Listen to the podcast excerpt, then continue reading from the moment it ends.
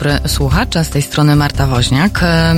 Zaczynamy naszą popołudniowo-poranną audycję sobotnią 25 stycznia 2020 roku. E, rozkład jazdy na dzisiaj jest następujący. W pierwszej godzinie porozmawiam z Filipem Pawlakiem, producentem teatralnym, ambasadorem projektu Europe Beyond Access pod szyldem British Council, e, o osobach z niepełnosprawnościami w teatrze. Czy mogą być na deskach teatralnych? Dlaczego nie i dlaczego w Niemczech okazuje się, że mogą, częściowo tylko. Natomiast w drugiej godzinie porozmawiamy z Pauliną Zamęcką, doktorantką Uniwersytetu Warszawskiego, która jest amerykanistką. Porozmawiamy z nią o matkach z placu majowego w Buenos Aires, o kobietach, które od ponad 40 lat maszerują i domagają się sprawiedliwości. To wszystko dzisiaj. Proszę zostać z nami do godziny 13. Serdecznie zapraszam, Marta Woźniak.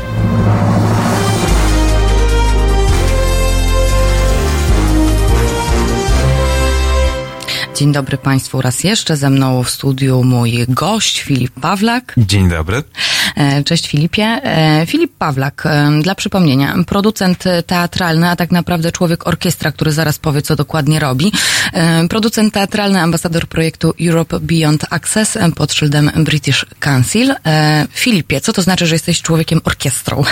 No akurat jeszcze na niczym nie gram, ale być może zacznę kiedyś, nie wiem, na klarnecie albo na czymś. Nie, no, na poważnie zajmuję się od kilku lat teatrem, filmem, animacją kultury, e, wszystkim, co związane z, ze sceną, ale też z tym, co dookoła i ogólnie mm, tym, co możemy nazwać kulturą. Więc y, tak, namnożyło się kilka tych rzeczy, y, zarówno jako performer, czy producent y, poszczególnych spektakli, jako osoba od komunikacji. W kilku teatrach miałem okazję pracować, a ostatnio rzeczywiście trochę więcej czasu i energii i zainteresowania skupiam na osobach z niepełnosprawnościami i na tym, co wiąże się z ich udziałem e, w, jak się to ładnie nazywa, sektorze sztuk performatywnych, a więc po prostu z ich widocznością na scenie, ale też w filmie, w przestrzeni publicznej, bo to wszystko się łączy w jeden temat. Proszę Państwa, no to skoro już przedstawiliśmy, e, Filip się sam przedstawił, to e, tutaj cały czas przypominam Państwu, że e, Radio Obywatelskie jest dla Państwa, w związku z czym bardzo jesteśmy ciekawi Państwa mm, komentarzy. Może będą mieli Państwo jakieś pytania do Filipa, także tutaj form kontaktu do naszego studia jest bardzo dużo. Jedną z takich form kontaktu jest oczywiście numer telefonu, czyli 22, to jest kierunkowy do Warszawy 390 59 22. Mogą Państwo też się z nami kontaktować mailowo teraz małpa halo.radio. Natomiast e, również są dostęp, jest dostępna dla Państwa e, transmisja na YouTubie na żywo. E, proszę po prostu wpisać Halo Radio, transmisja na żywo i wtedy mogą Państwo do nas pisać. Widzę, że Państwo już się tutaj pojawiają. Dzień dobry Panie Piotrze, dzień dobry Panie Sławomirze. Proszę dawać znać, że są Państwo Państwo po tej drugiej stronie. Filip, chciałeś tak. zostać aktorem. Oczywiście. No i dlaczego Kto nie chciał? A dlaczego nie mogłeś zostać aktorem? Znaczy, ja myślę, że mogłem. Tylko y, niestety nie dogadałem się z kilkoma profesorami Akademii Teatralnej, którzy jednak stwierdzili, że nie mogę. E, z dosyć prozaicznego powodu. Otóż mam jedną rękę nieco krótszą od drugiej. Mm, takie mam ciało e, dla osób, które nas nie widzą, bo od tego również dobrze rozpocząć. E, jestem e, mężczyzną w wieku lat 25, jestem rudy i moja lewa kończyna nie ma dłoni oraz połowy przedramienia. Co wydaje się być dosyć małą niepełnosprawnością, ale jednak taką jest. Przez czas mojego liceum, gimnazjum dużo recytowałem, jeździłem na jakieś konkursy teatralne i tak dalej. Wiadomo, byłem bardzo zajarany teatrem. Mm, wygrałem kilka, mm, kilka konkursów. Doszło do tego, że udało się zostać laureatem ogólnopolskiego konkursu recytatorskiego, gdzie y, nagrodą główną był dostęp, był wstęp na mm, egzaminy do szkoły teatralnej z pominięciem tej pierwszej, pierwszego etapu, bo tam egzaminy są trzystopniowe. No i niestety w momencie, kiedy to wygrałem, pan profesor y, Akademii Teatralnej y, podszedł do mnie i powiedział, że no chłopcze, bardzo ładnie mówisz, y, ale nie masz ręki, więc nie możesz być na scenie, bo nie zrobisz wszystkiego, bo twoje ciało jest nie takie, jak chcielibyśmy je widzieć na scenie. No, może to nie jest zawód dla ciebie. Wtedy mając lat 17 czy 18, nie byłem jeszcze na tyle wyszczekany, więc jakby mm, poddałem się i, i, pomyślałem o innej, innej karierze czy innym zawodzie, więc jakby nieco odpuściłem, ale mm, Ostatnio, y, jakby wchodząc coraz bardziej w ten temat, y, spotykam się z mnóstwem ludzi, dla których to doświadczenie jest podobne. Którzy z kobietami, z mężczyznami, którzy poruszają się na wózkach, są y, osobami głuchymi, mm, mają przeróżne ciała i umiejętności komunikacji ze światem mm, i spotkali ten sam problem. Tego, że mm, szkoła aktorska, e, ale też nie tylko, bo również szkoły muzyczne, szkoły taneczne e, są dla idealnych ciał, dla ludzi pełnosprawnych, e, mhm. dla ludzi, którzy są w stanie zrobić wszystko. No i pojawia się teraz pytanie, czyli co? Czyli jak to ma wyglądać? Czy naprawdę przypomnę, że w Polsce mamy około 6 milionów osób z niepełnosprawnościami. To nie jest mała grupa, e, a totalnie zamieciona pod dywan. E, taka, która nie ma swojej reprezentacji chociażby właśnie w powszechnych, publicznych szkołach w mhm. możliwości wyedukowania się na performera, aktora, muzyka. E, to chociaż a propos, znaczy muzycy mają nieco łatwiej, bo rzeczywiście znamy kilku niewidomych pianistów, prawda, to się, to się częściej zdarza. Podobnie otwarte są e, Akademie Sztuk Pięknych, które coraz częściej e, otwierają swoje drzwi dla osób z niepełnosprawnościami, ale dalej jest to jednak duży problem. I ta dostępność szkół wyższych powoduje, że ludzie niech zostają profesjonalnymi artystami. Więc tak, być może chciałem zostać zostać aktorem e, i związałem się jakoś z teatrem, ale od trochę innej strony.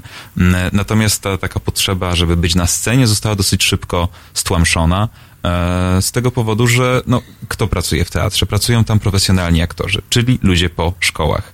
E, nie o to chodzi, żeby robić coś hobbystycznie, jest to bardzo miłe i oczywiście mogę, tego nigdy mi nie broni, e, ale o to chodzi, żeby mieć e, na równi z innymi, ze wszystkimi obywatelami e, dostęp do tych samych szkół, do tych samych możliwości, później też do zakładów pracy, jakimi są teatry, przecież utrzymywane z podatków to publiczne miejsca. To wszystko jest ograniczone a wiedzę o tym, że nie jestem sam, miałem zawsze jakoś podświadomie, ale uczestnictwo w Europe Beyond Access uświadomiło mi, że to nie tylko problem Polski, ale również y, problem wielu europejskich krajów. Właściwie jedynie Wielka Brytania odstaje jakoś od tendencji, natomiast w większości krajów europejskich problem jest dokładnie taki sam.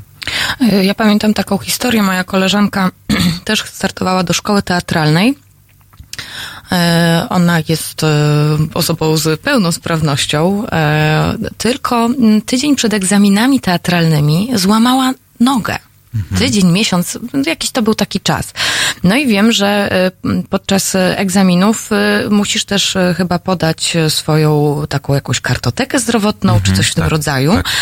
No i ona, to, że ma problem z nogą, to była kwestia mniej więcej dwóch, trzech miesięcy. Nic by się takiego nie wydarzyło. To, to, to, to mm, ten papier, ten dokument, w którym jest uwzględniony uwzględnione, że na przykład nie może czegoś zrobić, ponieważ ma aktualnie, aktualnie mhm. mało sprawną nogę, yy, dała na sam dół teczki swojej. Mhm. No ale niestety dogrzebano się do niej i była wielka awantura i ją wyrzucono, że co ona sobie w ogóle wyobraża, e, skoro, e, skoro tutaj przychodzi, a gdyby się pani coś stało teraz podczas egzaminu, to kto będzie za to odpowiadać? Dokładnie. Także... To jest doświadczenie, które się bardzo często pojawia. Jakby brak wiary w to, że osoba z niepełnosprawnością e, jest w stanie być samodzielna, że ona odpowiada sama za siebie. Taka chwilowa niepełnosprawność, jak chociażby złamanie nogi, jakaś choroba, przewlekły ból, ból, e, depresja, bo to również.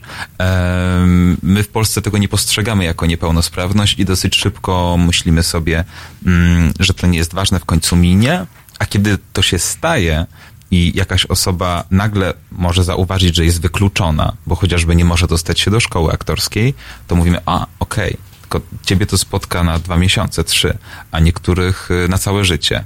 I nie o to chodzi, żeby lamentować nad nimi, absolutnie. O to chodzi, aby y, tak porozmawiać i, i tak zmienić te zasady, e, żeby szkoła aktorska przestała być e, kuźnią idealnych reklamowych materiałów, bo mm, no to o wiele szerszy temat, który też mnie bardzo interesuje, bo myślę, że ta obecność e, niepełnych ciał powyginanych, niestandardowych, e, jakichś, które wyłamują się od normy, kogoś, kogo najczęściej nie widzimy, nagle na scenie jest bardzo radykalna. Nagle wszystko zmienia, bo pojawia się osoba, która przecież nie ma prawa tam być. Aktor na wózku, aktor bez nogi, e, aktor niewidomy, jak on nauczy się tekstu, jak on coś zrobi. Ile razy ja słyszałem teraz coś takiego? E, takie powątpiewanie, że on jest w stanie coś zrobić. To są pełnosprawni ludzie. Nieraz o wiele bardziej wyczuleni niż aktorzy pełnosprawni. E, z przepięknym, różnorodnym spojrzeniem, których systemowo wykluczamy. I jakby nie boję się tego powiedzieć. Uczelnie aktorskie są archaiczne, wykluczają e, bardzo silnie e, wspaniałych artystów, którzy nie mogą się rozwijać. E, I to jest przemoc instytucjonalna, którą e, ci wszyscy wspaniali aktorzy, których kochamy, e, profesura, która trzyma władzę na Państwowej Wyższej Szkole Teatralnej, teraz Akademii Sztuk Teatralnych, na Akademii Teatralnej w Warszawie, e, w Szkole Filmowej w Łodzi, e, trzyma. Trzyma tę władzę e, i nie, nie, nie, nie puszcza. Mm, Nie wiem, czego się boi. Być może musieliby nauczyć się kształcić, albo musieliby nauczyć się e, prawdziwej empatii, co dla wielu e, starych profesorów może być trudne. No, nie chcę też generalizować, jest wielu wspaniałych pedagogów i wielu wspaniałych twórców.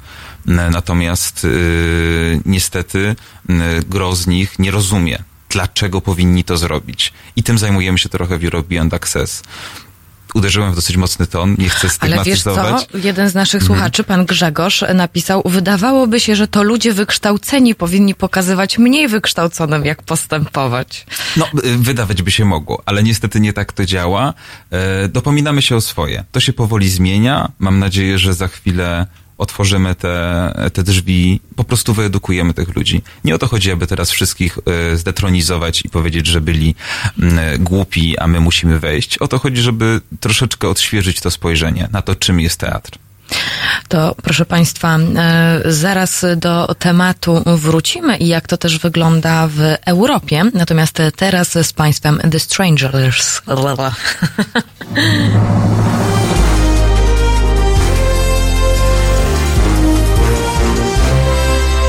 Dzień dobry, nazywam się Kuba Wątły.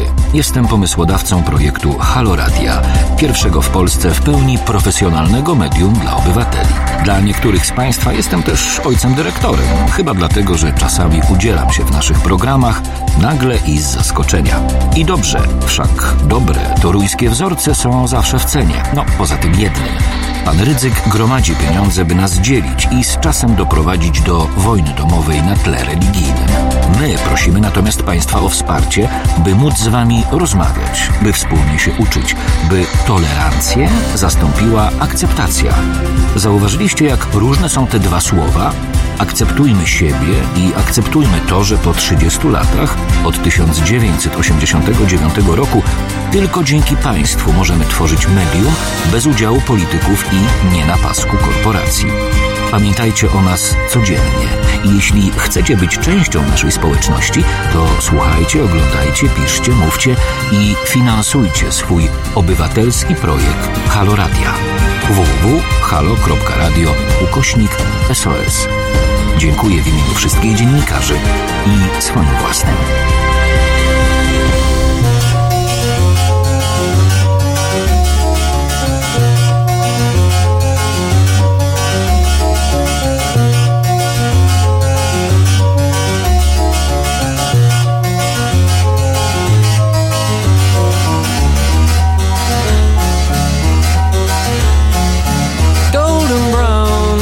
texture like sun lays me down with my mind. She runs throughout the night.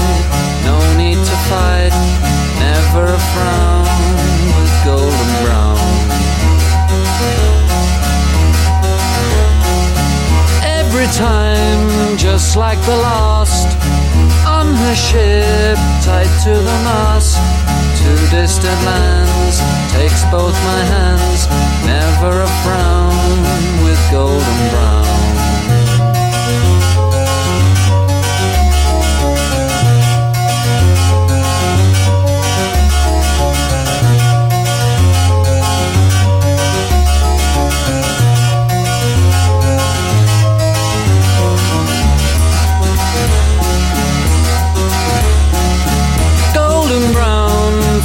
temptress. Through the ages she's heading west.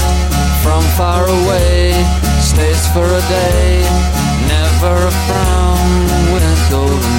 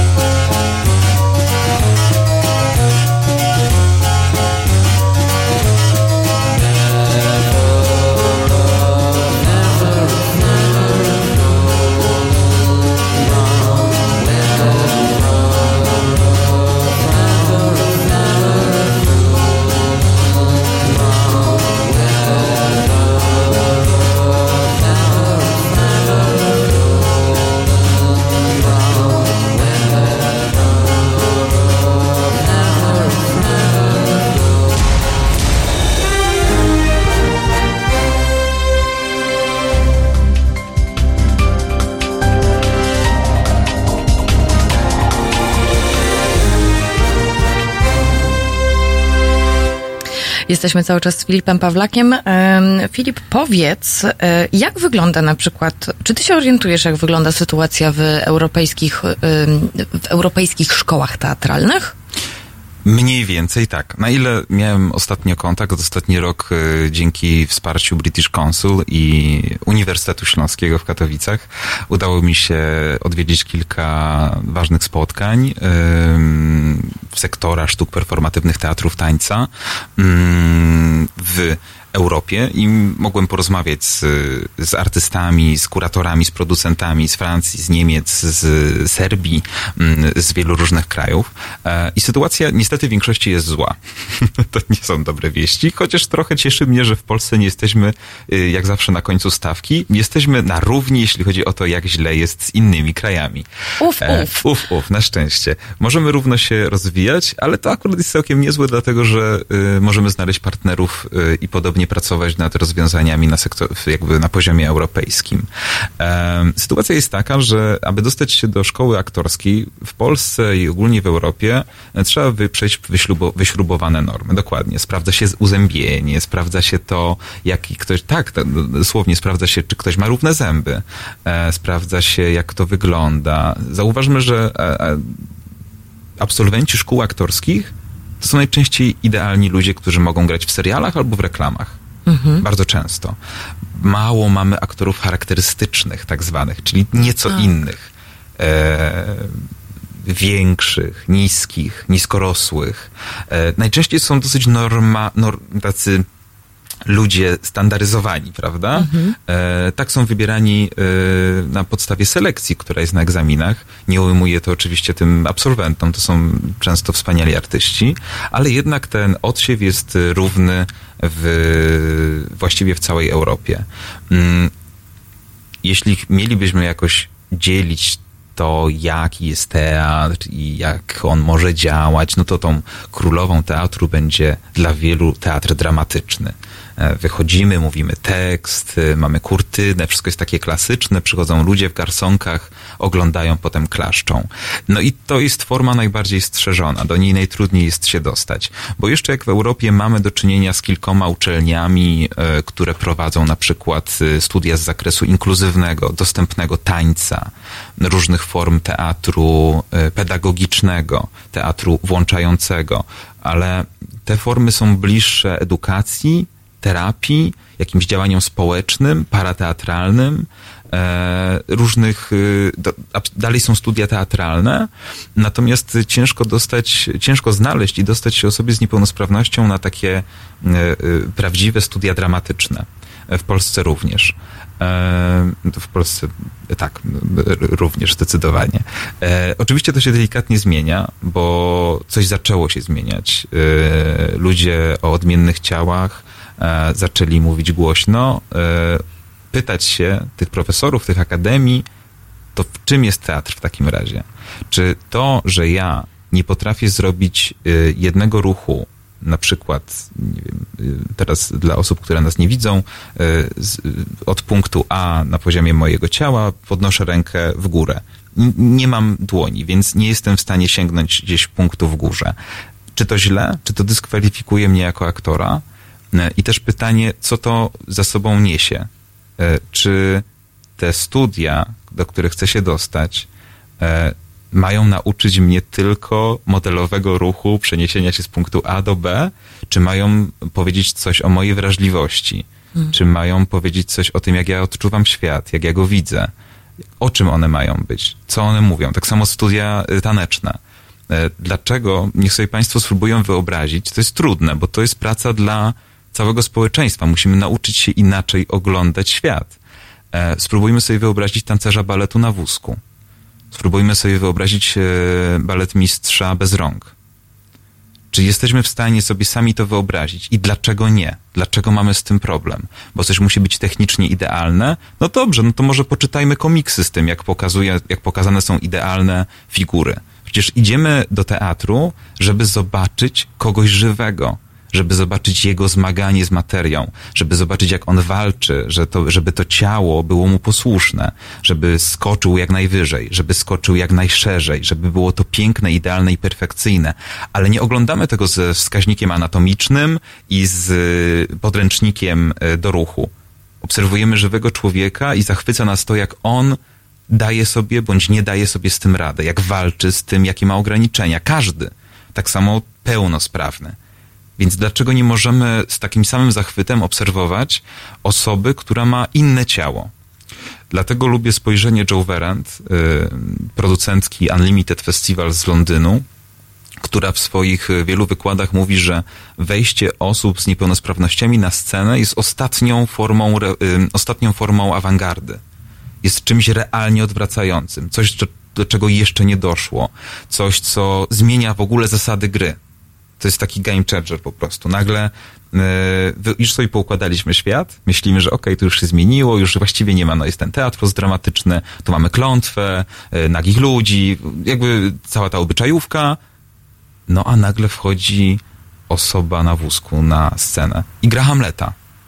I to, to, że ona jest na wózku, nie jest jakby mm, częścią inscenizacji. Nie, ona po prostu taka jest, bo może taka być bo mamy 6 milionów obywateli z niepełnosprawnością i Hamlet mógłby być na wózku. Hamlet mógłby być niewidomy. Hamlet mógłby być, jakikolwiek by mógł być. E, dlatego to myślenie jest tak bardzo rewolucyjne i uruchamia nagle całe mnóstwo e, kolejnych problemów. Czyli co uważamy za piękne, czyli co uważamy za dostępne, dlaczego chcemy oglądać tylko idealnych ludzi na scenie czy coś jest z nami nie tak, to jest trudne bardzo ćwiczenie. Dlatego e, w pierwszej części rozmowy, kiedy zaatakowałem nieco profesorów Akademii Teatralnych, e, e przepraszam szanownych e, profesorów, e, wiem, że to dla was również jest trudne, to dla nas wszystkich jest trudne i to jest duża praca, e, która nie może być wykonana agresywnie oczywiście. Nam nie o to chodzi, aby wyważać drzwi, zakazywać i karać. Nie, uruchamiają się nowe możliwości. Myślimy o czymś w nowy sposób E, nie wykreślając tego, co było, oczywiście, było wiele dobrych, złych rzeczy, ale my chcemy już robić coś nowego. e, i chcemy pokazać Wam, e, publiczności, artystom, kuratorom, producentom, profesorom, e, że mamy coś ciekawego do powiedzenia, że nasz punkt widzenia, jeśli mogę uznać się za reprezentanta, też jest warty uwagi, że to, co my chcemy pokazać, może Was zainteresować, bo jest, jest radykalnie inne. O co chodzi artystom, jak nie o to, żeby zobaczyć coś z innej strony, żeby naświetlić świat oczami innego człowieka. Otwórzmy tę scenę i otwórzmy e, samych siebie, żeby móc na równi spojrzeć na ten świat z osobami, które widzą go codziennie inaczej. To bardzo trudne, e, ale myślę, że jest możliwe i coraz częściej widzę te przykłady artystów, e, obywateli, e, różnych decydentów, którzy się na to decydują i najczęściej efekty są bardzo ciekawe. Oczywiście może zaczyna się długa dyskusja, że to jest często amatorskie albo nie takie profesjonalne, jak to, do czego przywykliśmy, ale jak na Boga ma być profesjonalne, skoro ci ludzie nie mogli zdobyć wykształcenia? Mhm. Jak, gdzie, gdzie mają zdobyć doświadczenie, jeśli ich wykluczamy? Musimy przejść ten etap y, otwarcia edukacji, żeby przestać widzieć to jako kryterium, żeby zacząć postrzegać to jako coś normalnego. Ja chciałabym tutaj jeszcze wrócić do. Mm, do tych, y, do teatrów, mhm. do zawodowych aktorów, bo powiedziałeś mi, co jest też interesujące, że skoro osoby z niepełnosprawnościami nie mogą być profesjonalnymi aktorami po szkole, nie mogą y, pracować w teatrze y, profesjonalnym, to jak to się stało, że w Niemczech mamy dwóch aktorów z niepełnosprawnością? Wynika to z nieco odmiennego systemu i większej ilości pieniędzy. E, teatry niemieckie mm, mają o wiele większe budżety, więc e, niektóre sceny są bardziej postępowe e, i po prostu zatrudniły na etacie osoby, które reprezentują inne ciała czy inne spojrzenia. Natomiast to jest dosyć niespotykane dalej powszechnie, mm, bo oczywiście to też nie jest tak, że mamy jakąś cenzurę, która zakazuje artystom z niepełnosprawnością wstępu na studia aktorskie.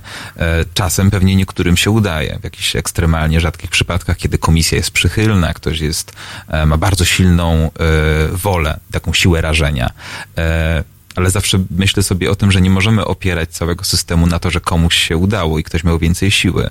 Powinniśmy pomyśleć o tych, którzy tej siły mają mniej, mają mniejsze siłę, sił, mniejszą siłę przebicia i pomóc im, żeby mogli się dostać.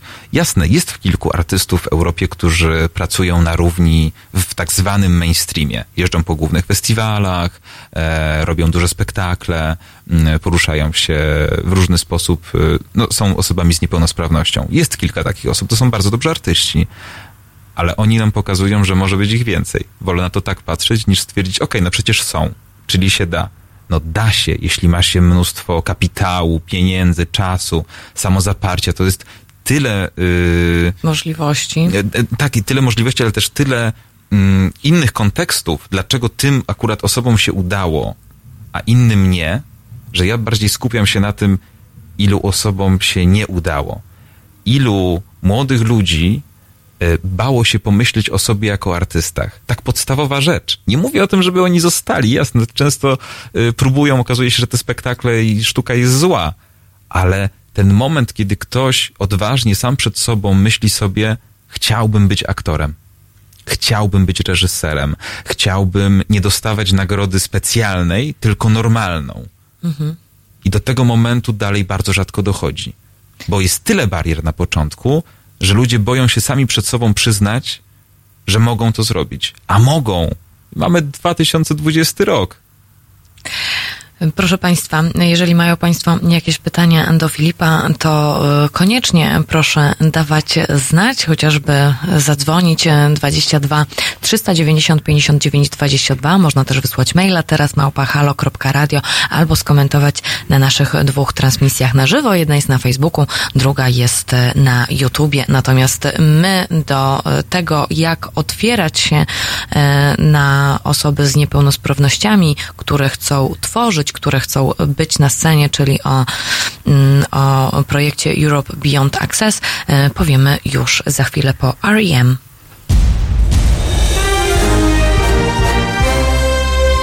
środę między 17 a 19 przewodniczący Związku Zawodowego Związkowa Alternatywa Piotr Szumlewicz o prawach pracowniczych, ich łamaniu i wspólnej walce o lepsze jutro. 17-19. www.halo.radio. Słuchaj na żywo, a potem z podcastów.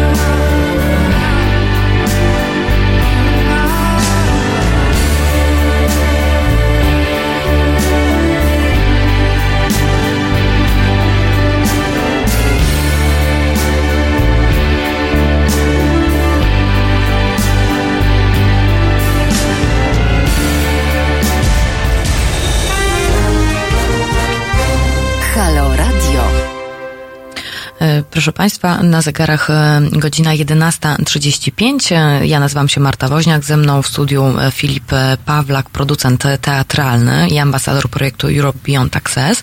Natomiast Państwo też do nas piszą, bardzo mnie to cieszy. Ci z Państwa, którzy z kolei teraz trafili na naszą audycję, to tutaj zachęcam, a są ciekawi, jak, o czym rozmawialiśmy wcześniej. Ja tutaj Państwa będę odsyłać w tym momencie do podcastu który jest e, dostępny na różnego rodzaju platformach, między innymi będzie dostępny na Spotify, ale także na naszej stronie halo.radio, e, zakładka audycje, zakładka podcasty. Tam również e, znajdą Państwo informacje, jak nas wspierać obywatelsko, bo Państwo są słuchaczami, ale również naszymi darczyńcami i gdyby nie to, nie moglibyśmy dzisiaj rozmawiać o tak ważnym temacie. Również obywatelskim. Również obywatelskim i to, jak słyszymy, bardzo, bardzo mocno. E, pozdrawiamy e, panią Agatę, pozdrawiamy panią Annę, panią Agnieszkę, panią Małgosię. Pani Małgosia napisała e, komentarz, bardzo ciekawe spojrzenie i bardzo jasny przekaz Filipa. Szersze otwarcie dla każdej niepełnosprawności jest konieczne. Kiedyś widziałam dzieci z zespołem Downa na spektaklu, o ile pamiętam klaty w Krakowie. Wiem, że chodzi o coś więcej, o pełny dostęp do zawodu. Dokładnie. O to chodzi, że mm, myśląc o dostępności, nie chodzi tylko o projekt, bo tego mamy już całkiem sporo. E, pojawiają się kolejne projekty właśnie, w których w ramach jakichś szczególnych dofinansowań, yy, pomysłu, nagle mamy jakieś warsztaty dla osób z niepełnosprawnościami, tak? Czy zapraszamy do spektaklu yy, osobę z zespołem Downa, zapraszamy do spektaklu kogoś yy, na wózku. Często, nie mówię, że zawsze, bo jest dużo dobrych przykładów, i o nich z chęcią powiem za chwilę. Mm, natomiast często y, to jest dosyć nierówna sytuacja, czyli pełnosprawny reżyser, osoba, która chce coś zailustrować, chce mieć osobę z niepełnosprawnością w spektaklu albo w projekcie, żeby coś pokazać, żeby być bardziej otwartym, albo tak się pokazać jako osoba bardziej otwarta niestety ta dyskusja o dostępności, inkluzywności jest bardzo zawiła. Ja wiem, że tutaj pewnie słuchacze mogą pomyśleć, no tak, no ale fajnie, że są na scenie. I oczywiście, że fajnie. To dobrze, że projekty się pokazują. Ale cały czas mam w tyle głowy taką chęć i potrzebę, aby to nie było działanie tymczasowe aby nie było to coś, co dzieje się tylko na chwilkę, e, coś e, wyjątkowego. Y, to jest długi proces i on zaczyna się od takich projektów, od po prostu obecności, od zaproszenia, ale my chcemy więcej. E, chcemy więcej i chcemy tego natychmiast. To jest też dosyć trudny postulat. Miejmy świadomość, że często niepełnosprawności, no, trudny temat teraz uderza jak na sobotę południe, powodują krótsze życie E, powodują to, że y, wielu performerów nie doczekało swojego debiutu. Nie doczekało pełnej, pełnego uczestnictwa z powodu chorób, które mają, czy mm, różnych schorzeń. E, to życie często jest krótsze i nie jest to jakby tematem tabu. Po prostu niektórzy krócej żyją, niektórzy żyją dłużej. E, I chcemy upomnieć się o te prawa natychmiast Mhm. My chcemy te wejść na scenę już. E, chcemy, żeby kolejne pokolenia miały nieco łatwiej. Sytuacja walki o prawa człowieka, tak jak z każdą inną grupą dyskryminowaną. Z kobietami, z mniejszościami seksualnymi, z mnóstwem innych grup, które po prostu uważają, że im się to należy, bo się należy, bo to jest prawo człowieka, aby móc robić to, co się kocha, aby móc zostać wyedukowanym w tym, y, aby mieć otwartą, otwartą przyszłość. E, I nie mówimy o czymś bardzo trudnym. My nie mówimy o, o tym, żeby nagle teatry stały się tylko dla osób niepełnosprawnych. Przecież to są instytucje publiczne. Przecież to mhm. są instytucje społeczne dla ludzi e, oferowane przez państwo. Państwo, które powinno być demokratyczne, dla wszystkich swoich obywateli równe. Trochę wygląda to tak, że ktoś, no, no tak jak mówiłeś teraz przez cały czas, że jedni są lepsi, ale inni są lepsiejsi po prostu. Tak, i y, ta dyskusja idzie do przodu cały czas, y, ale nam chodzi o to, żeby y, przestać patrzeć z góry, aby przestać patrzeć w ten sposób, że my was zapraszamy, że my pełnosprawni, twórcy, mm, kuratorzy, dyrektorzy, wszyscy, którzy tym zarządzają mm, sektorem teatrami, y, wciągają jakby na siłę albo tylko dlatego, że akurat mają taką sposobność czy możliwość. Nie, o to chodzi, żeby y, ta obecność osób i reprezentacja osób z niepełnosprawnościami była stała, żeby była systemowa, żeby nie było problemów, aby się tam dostać. E, tak, aby to była sytuacja równa. Że nie tylko e, jakby tutaj sytuacja z Janem Klatą, który zaprasza, okej, okay, fajnie, jakby zrobił y, projekt, też były takie projekty całonocnych maratonów w Narodowym Teatrze Starym e, i tam się pojawiały te osoby, mm, te osoby, osoby z niepełnosprawnościami, z odmiennymi ciałami, z wyjątkowymi ciałami, e, ale pojawiały się i znikały, prawda? Jakby zapełniały, odhaczone. Stało się. Okej, okay, zrobiliśmy. A kiedy jakiś reżyser z niepełnosprawnością, kiedy stały współpracownik, kiedy nastała jakaś zmiana, kiedy aktor który będzie na stałe. Czemu y, my musimy w teatrach odgrywać niepełnosprawności? Czemu, o, czemu, tak. czemu nie możemy zatrudnić osoby na wózku do roli osoby na wózku? To mnie zawsze zastanawiało. Y, y, dlaczego my musimy zatrudnić osobę, która udaje, że nie widzi? Jeśli żyjemy w 36-milionowym kraju, tak? Jeśli się nie mylę. Tam parę osób jest w Anglii, nie? Dlaczego? No tutaj y, przygotowując się akurat do audycji, y, znalazłam taki wpis na jednej ze stron, na jednej ze stron Fundacji, Fundacji Stowarzyszenia Spoza, spis pozytywnych filmów o niepełnosprawności. Jest tam, proszę Państwa, jeżeli Państwo chcą, to jest ten spis bardzo, bardzo obszerny. Tutaj na przykład są podane właśnie na przykład Robert De Niro, tak? Wciela się e, w postać Franka w zapachu kobiety. Jest niewidomy. E, mamy na przykład Ediego e, Redmayna w teorii wszystkiego Oscarowy film, w którym gra Stephena Hawkinga.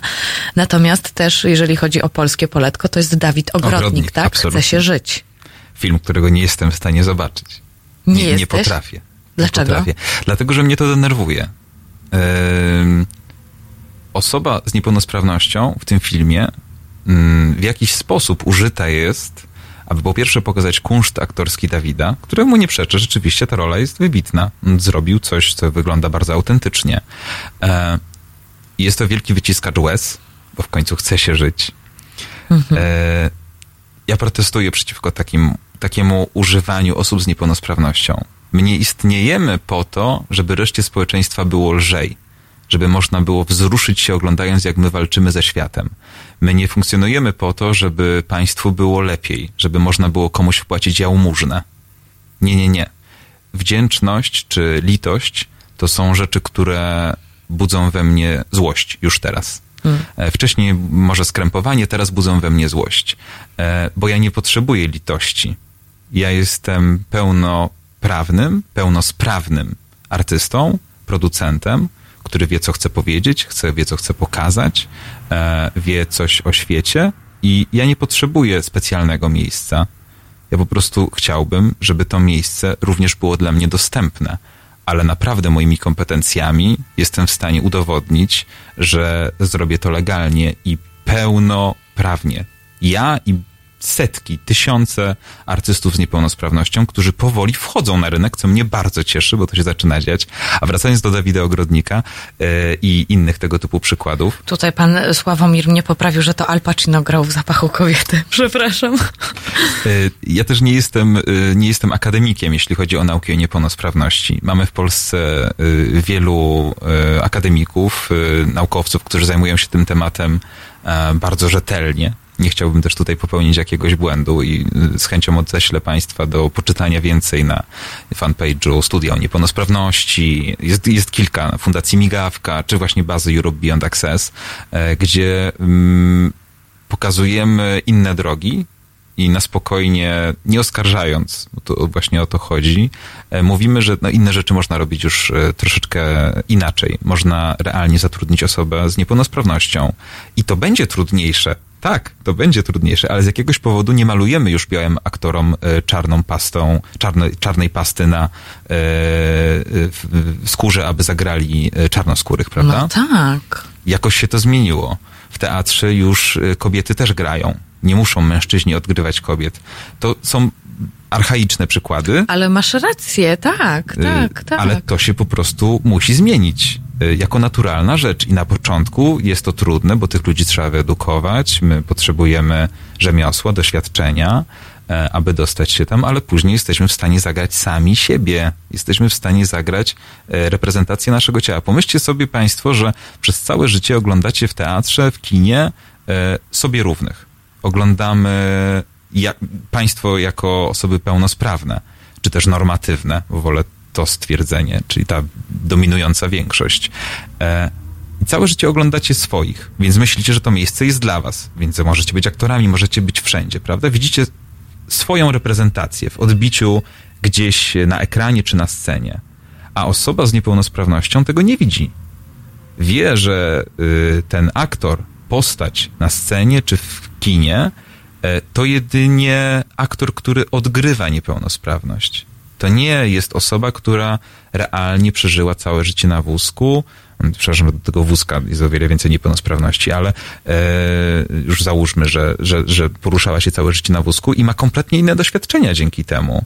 E, osoba, która realnie e, tak żyje e, i nie jest to gorsze, prawda? Ale ten brak reprezentacji powoduje, że przestajemy myśleć, że niektóre miejsca są dla nas dostępne, że one nie są dla nas. To budzi bardzo dużo implikacji później, więc jakby polecam Państwu y, kilka wykładów też na stronie Instytutu Teatralnego, na ich YouTubie jest, y, są zapisy takiej konferencji Sztuka i Niepełnosprawność, gdzie mm, para naukowczyń, ja teraz nie przypomnę sobie nazwisk, y, bardzo rzetelnie analizuje reprezentację filmową osób z niepełnosprawnościami. Albo reprezentację, to europejskie studia, y, reprezentację literacką, gdzie osoby z niepełnosprawnościami najczęściej są po to, żeby wzbudzić litość w, e, w sztuce. Tak? Czyli mamy film, w którym jakaś biedna osoba z niepełnosprawnością albo jest super bohaterem, bo robi coś niesamowitego, jak na przykład mm, zdobywa biegun, że odwołam się do polskiego przykładu, albo jest super ofiarą i ledwo żyje ona zawsze spełnia jakąś funkcję względem dominującej, e, pełnosprawnej, normatywnej większości. Są, jest używana przez to. No i to mnie już troszeczkę przestało odpowiadać i myślę, że da się robić to nieco inaczej, e, więc stąd na przykład e, dosyć intensywne działania Europe Beyond Access i, e, i kilku innych projektów, które, inne, innych projektów, które się aktualnie w Europie dzieją. E, To powiedz coś więcej o Europe Beyond Access.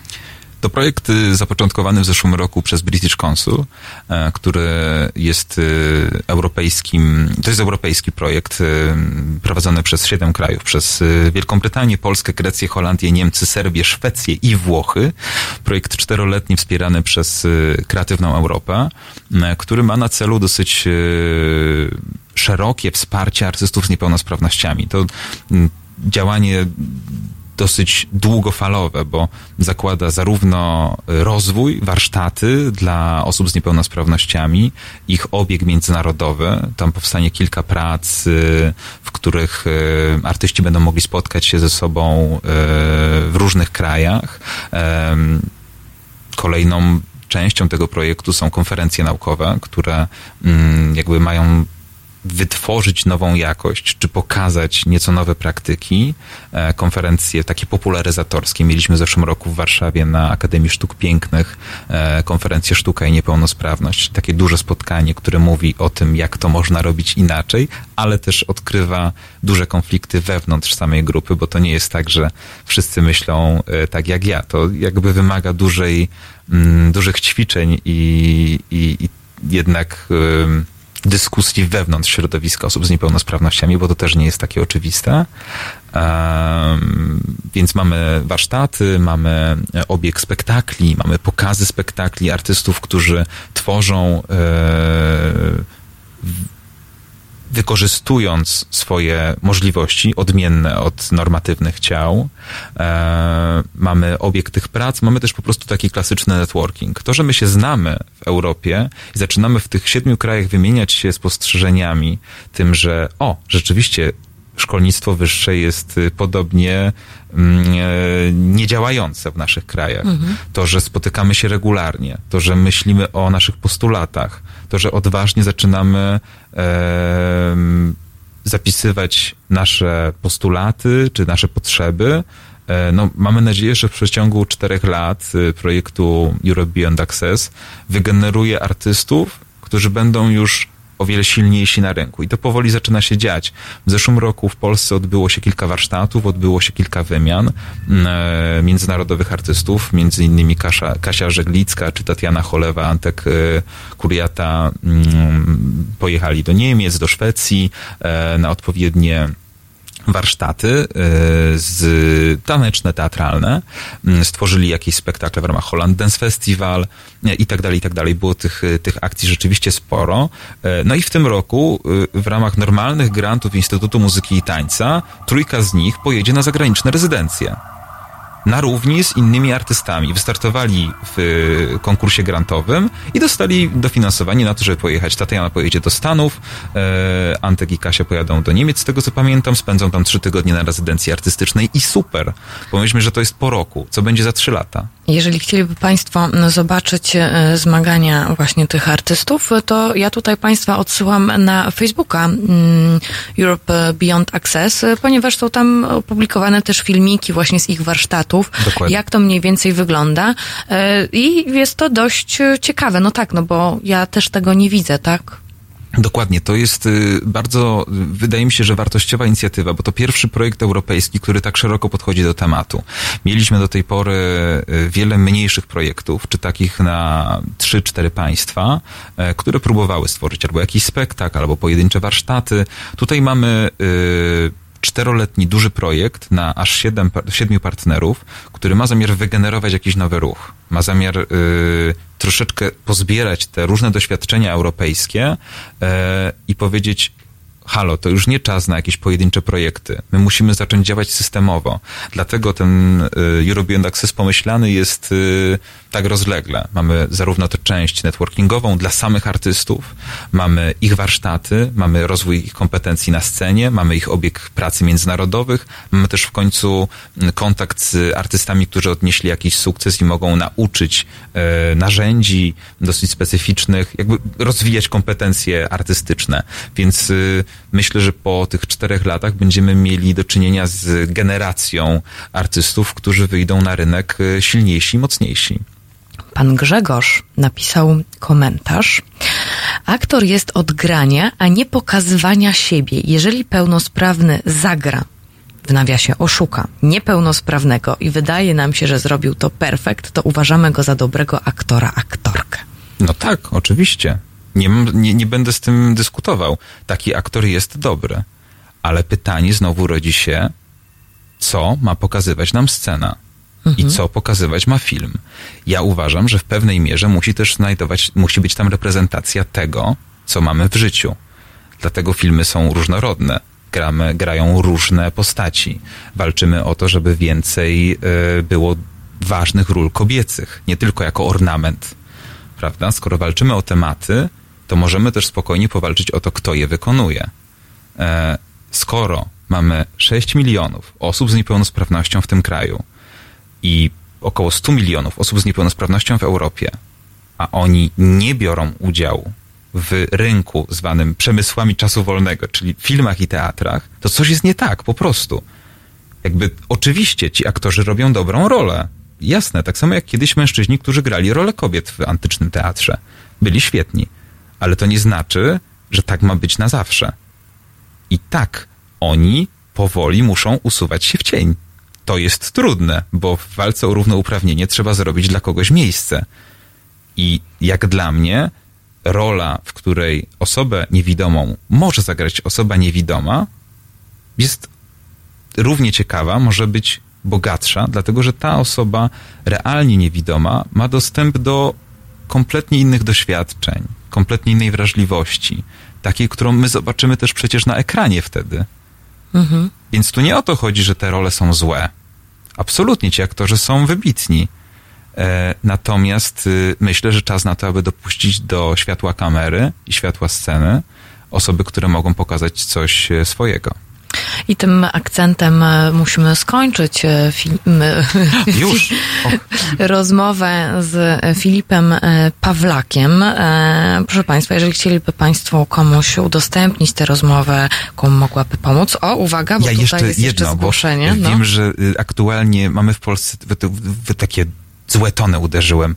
Y, Mamy też dużo dobrych rzeczy, naprawdę się dzieje i na przykład, jeśli byliby Państwo zainteresowani, to aktualnie w ten weekend, bądź na początku przyszłego tygodnia y, Teatr 21, a więc polski profesjonalny teatr zatrudniający osoby z zespołem Downa, aktorów, ze stałym zespołem, e, wystawia w Warszawie rewolucję, której nie było. Bardzo dobry spektakl, nagrodzony na festiwalu Boska Komedia. Polecam, żeby zobaczyć, bo można, można spojrzeć na to, o czym ja mówiłem, e, jak to znajduje swoją realizację.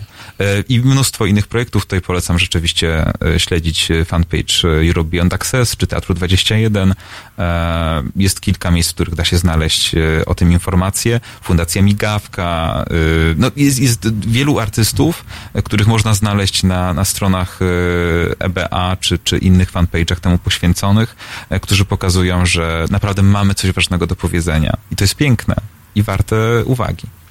E, Tutaj jeszcze Państwa w takim wypadku, skoro, skoro powiedzieliśmy o Teatrze 21, jeżeli są Państwo zainteresowani e, rozmową z reżyserką e, Justyną Sobczyk, to w grudniu moja redakcyjna koleżanka Natalia Wilk-Sobczak przeprowadziła z nią rozmowę, także mogą sobie Państwo znaleźć tę rozmowę w naszych podcastach.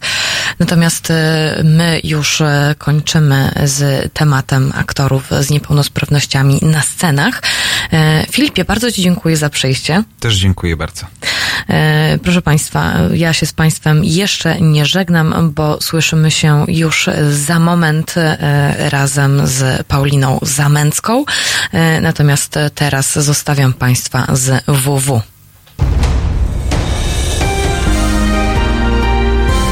Niedzielę po kościele. Od 19 do 21 publicysta i wydawca Marcin Celiński będzie sumować tydzień wraz z gośćmi w studio i z Państwem.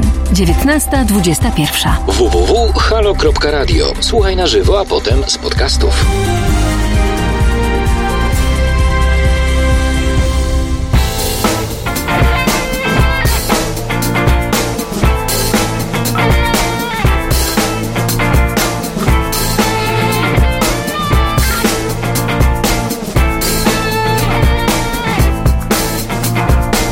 Tańczę,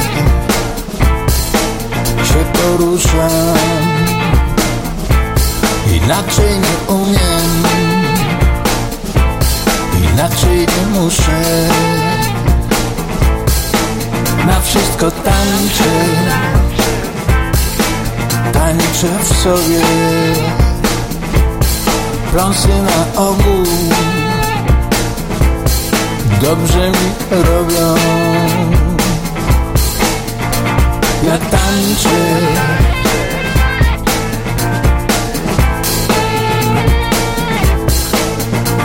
Ja tańczę.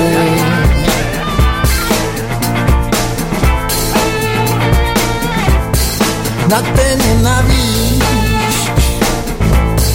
kompletnie chorą na rozdwajanie włosa na czworo na hipokryzję w każdym zdaniu. Na zmasowany atak graniu ja tańczę.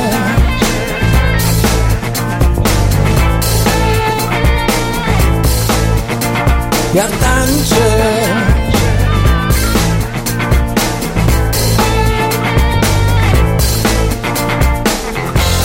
Się jak umiem Unikając tłoku Unikając tłumu Delikatnej mam oku. Ruszam się nienachalnie Choć dość swobodnie By się odnaleźć jakoś w tym godnie Ja tańczę.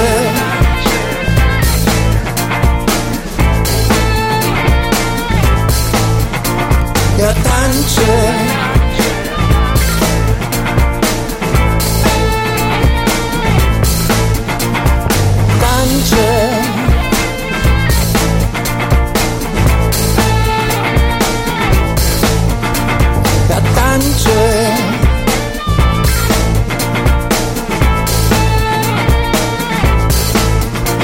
Ja tańczę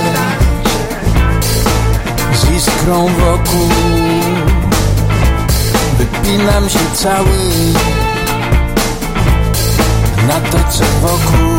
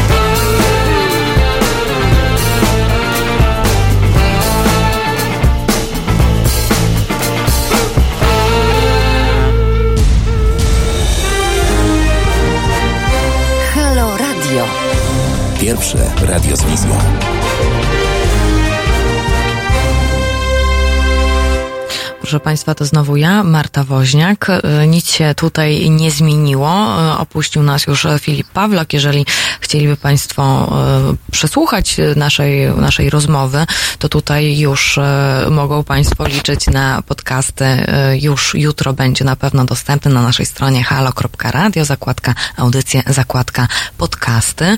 Proszę nieść w świat, bo to temat wydaje mi się bardzo, bardzo ważny, ale też sądząc po Państwa głosach również. Proszę Państwa, natomiast teraz na łączach jest ze mną Paulina Zamęcka. Halo, halo, czy się słyszymy? Dzień dobry, witam Państwa, witam słuchaczy. Dzień dobry Pani Paulino. Paulina Zamęcka, absolwentka stosunków międzynarodowych, specjalizacja amerykanistyka, doktorantka na Wydziale Nauk Politycznych i Stosunków Międzynarodowych Uniwersytetu Warszawskiego i autorka książki Matki i Babcie z Placu Majowego. Ci z Państwa, którzy nas e, widzą, e, chociażby na transmisji na YouTubie, czy na transmisji na żywo na Facebooku, to ja teraz e, pokazuję Państwu tę książkę. Jest to praca naukowa właściwie. E, Można się z niej naprawdę dowiedzieć bardzo, bardzo dużo, co się właściwie wydarzyło w Argentynie e, w latach 70. i 80. podczas dyktatury wojskowej, a także jak doszło do tego, że kobiety wyszły na ulicę, dokładnie na centralny plac e, Buenos Aires. Mm, I e, one wychodzą tak od 40 kilku lat, 43, 44 lat mniej więcej. E, Pani Paulino, e, rozmawiam z Panią dlatego, że tutaj tak już chciałam wcześniej z Panią rozmawiać, ale akurat nie, nie złożyło się. Zresztą Pani Paulina jest akurat pierwszą osobą, którą zapraszałam do Halo Radia, kiedy tylko się dowiedziałam, że Kuba Wątły dał mi zielone światło, żeby tutaj się pojawić. Pomyślałam, tak, chcę rozmawiać o matkach z Placu Majowego. I tutaj Pani Paulino, pytanie pierwsze. Kim właściwie są matki z Placu Majowego i e, dlaczego powstał ten ruch? Tutaj trzeba e, odnieść się e, do, do kontekstu historycznego, do którego... Pani Paulino, chyba mamy, przepraszam, tutaj e, chyba mamy, czy przytrzymuje Pani jakoś e, m- m- mikrofon albo coś w tym rodzaju, bo halo, halo, teraz E, nas... Czy, czy, teraz, O, czy teraz lepiej nie słychać? teraz doskonale nas słychać. Tak. Dobrze, to odnosząc się do Pani pytania, e, no jednak nie da się tutaj przejść do opisu dzia- działalności Matek z Placu Majowego bez odniesienia się do kontekstu historycznego. E, Tutaj Pani wspomniała o dyktaturze wojskowej, która przejęła rządy e, w em, 1976 roku. E, No była to jedna z, jedna z najbardziej bezwzględnych i krwawych dyktatur w regionie latynoamerykańskim. Junta zwalczała tak zwane elementy wywrotowe działaczy lewicowych, ale tak naprawdę o działalność wywrotową mógł być posądzony tak naprawdę każdy. E, Chyba jednym z takich najbardziej e, znamiennych przykładów, e, przykładów w tym kontekście jest tak zwana Noc Ołówków, kiedy e, w nocy z 15 na 16 września 76 roku e, kilkunastoletni licealiści zostali uprowadzeni z domów przez agentów służb bezpieczeństwa i nigdy już do swoich rodzin nie powróciła. E, Warto też wspomnieć, że ofiarami e, junty były ciężarne kobiety, które e, były e, transportowane do więzień e, i szpitali wojskowych, e, zmuszane do porodów e, w tych miejscach, po czym dzieci, e, nowonarodzone dzieci zos- były im odbierane e, i przekazywane rodzinom e, właśnie ze służb bezpieczeństwa, czy też e, ich znajomym. E, Umożliwiano szybkie, szybkie adopcje przez sądy, które pozostawały pod kontrolą wojskowych. Certyfikaty narodzin były fałszowane w taki sposób, by ci nowi e, opiekunowie figurowali jako rodzice biologiczni. I e, szacuje się, że w trakcie brudnej wojny e, w latach 76-83 e, w Argentynie zniknęło w ten sposób około 30 tysięcy ludzi. I ofiary właśnie, które nie wróciły do swoich rodzin, nazywa się e, desaparecido, czyli zniknięci. Jak pisze Artur Domosławski, e, desaparecido jest osobą która nie jest żywa, bo, bo jakby nie ma jej wśród żywych, jednocześnie e, nie jest uznana za zmarłą, gdyż nikt nie widział jej ciała. I zniknięcie było tym powodem, e, dla którego matki e, i babcie z Placu Majowego wyszły na plac, by upomnieć się o swoich bliskich. To też e, wyglądało mniej więcej w taki sposób, że matki między sobą zaczęły orientować się gdzieś syn, córka nie wrócił na noc do domu. E, proszę pamiętać, że to są, e, to są lata 70., lata 80., gdzie z telefonami też tak nie do końca jest tak wygodnie i tak sprawnie jak e, dzisiaj. Więc jedna sąsiadka, drugiej sąsiadce, mój syn nie wrócił na noc, moja córka nie wróciła na noc, gdzie są, gdzie są. Ja akurat poznałam jedną z matek z placu majowego i ona akurat z mężem zastanawiali się, czy ich syn może nie miał jakiegoś wypadku samochodowego czy komunikacyjnego i dzwonili po e, wszystkich e, szpitalach Buenos Aires, no ale niestety ich syna żaden szpital nie miał, bo e, miała go szkoła marynarki wojennej, w której przewożono takie osoby. To były po prostu łapanki, że tak pozwolę sobie tutaj powiedzieć. No i matki wyszły na ulicę i one tak trwają już od ponad 40 lat. Właściwie dla. Mm, Chciała, chciałabym się zapytać a propos o powstanie tego ruchu, e, bo on powstał w, mm, w 76 roku. W Natomiast 77 dokładnie. a, w 77. Y, mm, Jak to w ogóle się zaczęło? E, No tak jak pani wspomniała, e, matki e, nie znały się wzajemnie przed powstaniem ruchu. One spotykały się przypadkowo właśnie przy próbie ustalenia miejsca pobytu swoich dzieci w komisariatach, w szpitalach i zaczęły porównywać swoje relacje. No i znalazły ten wspólny mianownik, prawda, tak jak pani wspomniała. Podobne zniknięcia, podobne okoliczności, podobne, podobny czas tych zniknięć. E, No i e, w miarę e, zacieśniania więzi zaczęły organizować spotkania. Zwykle były to domy lub też kościoły, gdzie czuły się bezpieczniej. E, No i właśnie w, podczas jednego takich, e, z takich spot, spotkań w kościele mm, jedna z późniejszych liderek zaproponowała wyjście na, na Plac Majowy, by tam e, wręczyć petycję rząd, rządzącym i upomnieć się o swoich bliskich. Było to dokładnie 30 kwietnia 1977 roku. Data ta jest uważana za moment powstania e, ruchu Matek z e, Placu Majowego. E, ma- Matki wybrały e, właśnie ten centralny e, punkt miasta, e, który jest w zasadzie takim symbolicznym i ge- i geograficznym sercem e, Buenos Aires, całej Argentyny, e, by zwrócić uwagę też e, opinii publicznej, bo mm, e, no, ze względu właśnie na to centralne e, położenie i, i znaczenie tego miejsca.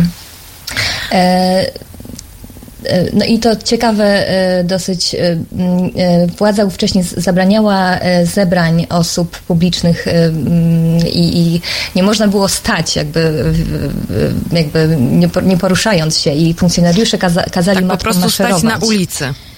Tak, tak. e, Były za- zabronione zebrania publiczne, no i funkcjonariusze e, kazali matkom maszerować i w zasadzie e, ta forma protestu utrzymała się do dzisiaj. One przez te 43 lata tak maszerują wokół tego obelisku na, na Placu Majowym. Proszę Państwa, do matek z Placu Majowego, a także kim były ich dzieci i za co właściwie były porywane, wrócimy już za moment. Proszę zostać z nami, natomiast ja cały czas Państwu, Państwa zachęcam do kontaktu, bo tutaj można się z nami kontaktować, e, komentować chociażby przez e, transmisję na żywo na YouTubie, na Facebooku. Można wysłać nam wiadomość na Facebooku, można wysłać nam wiadomość na teraz małpa halo.radio albo mogą Państwo również zadzwonić 40, 22 e, kierunkowy do Warszawy 390 59 22. Wracamy do rozmowy już za chwilę po Dydorsach.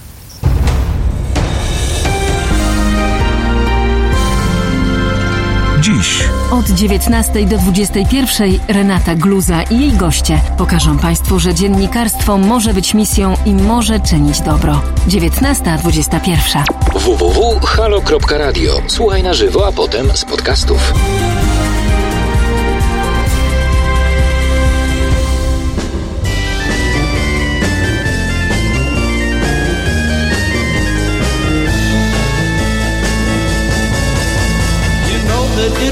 Untrue. You know that I would be a liar if I was to say to you, Girl, we couldn't get much higher. Come on, baby, light my fire. Come on, baby, light my fire. Try to set the night on fire. The time to hesitate is through. No time to wallow in the mire. Try now, we can only lose. And our love become a funeral pyre. Come on, baby, light my fire. Come on, baby, light my fire. Try to set the night on fire.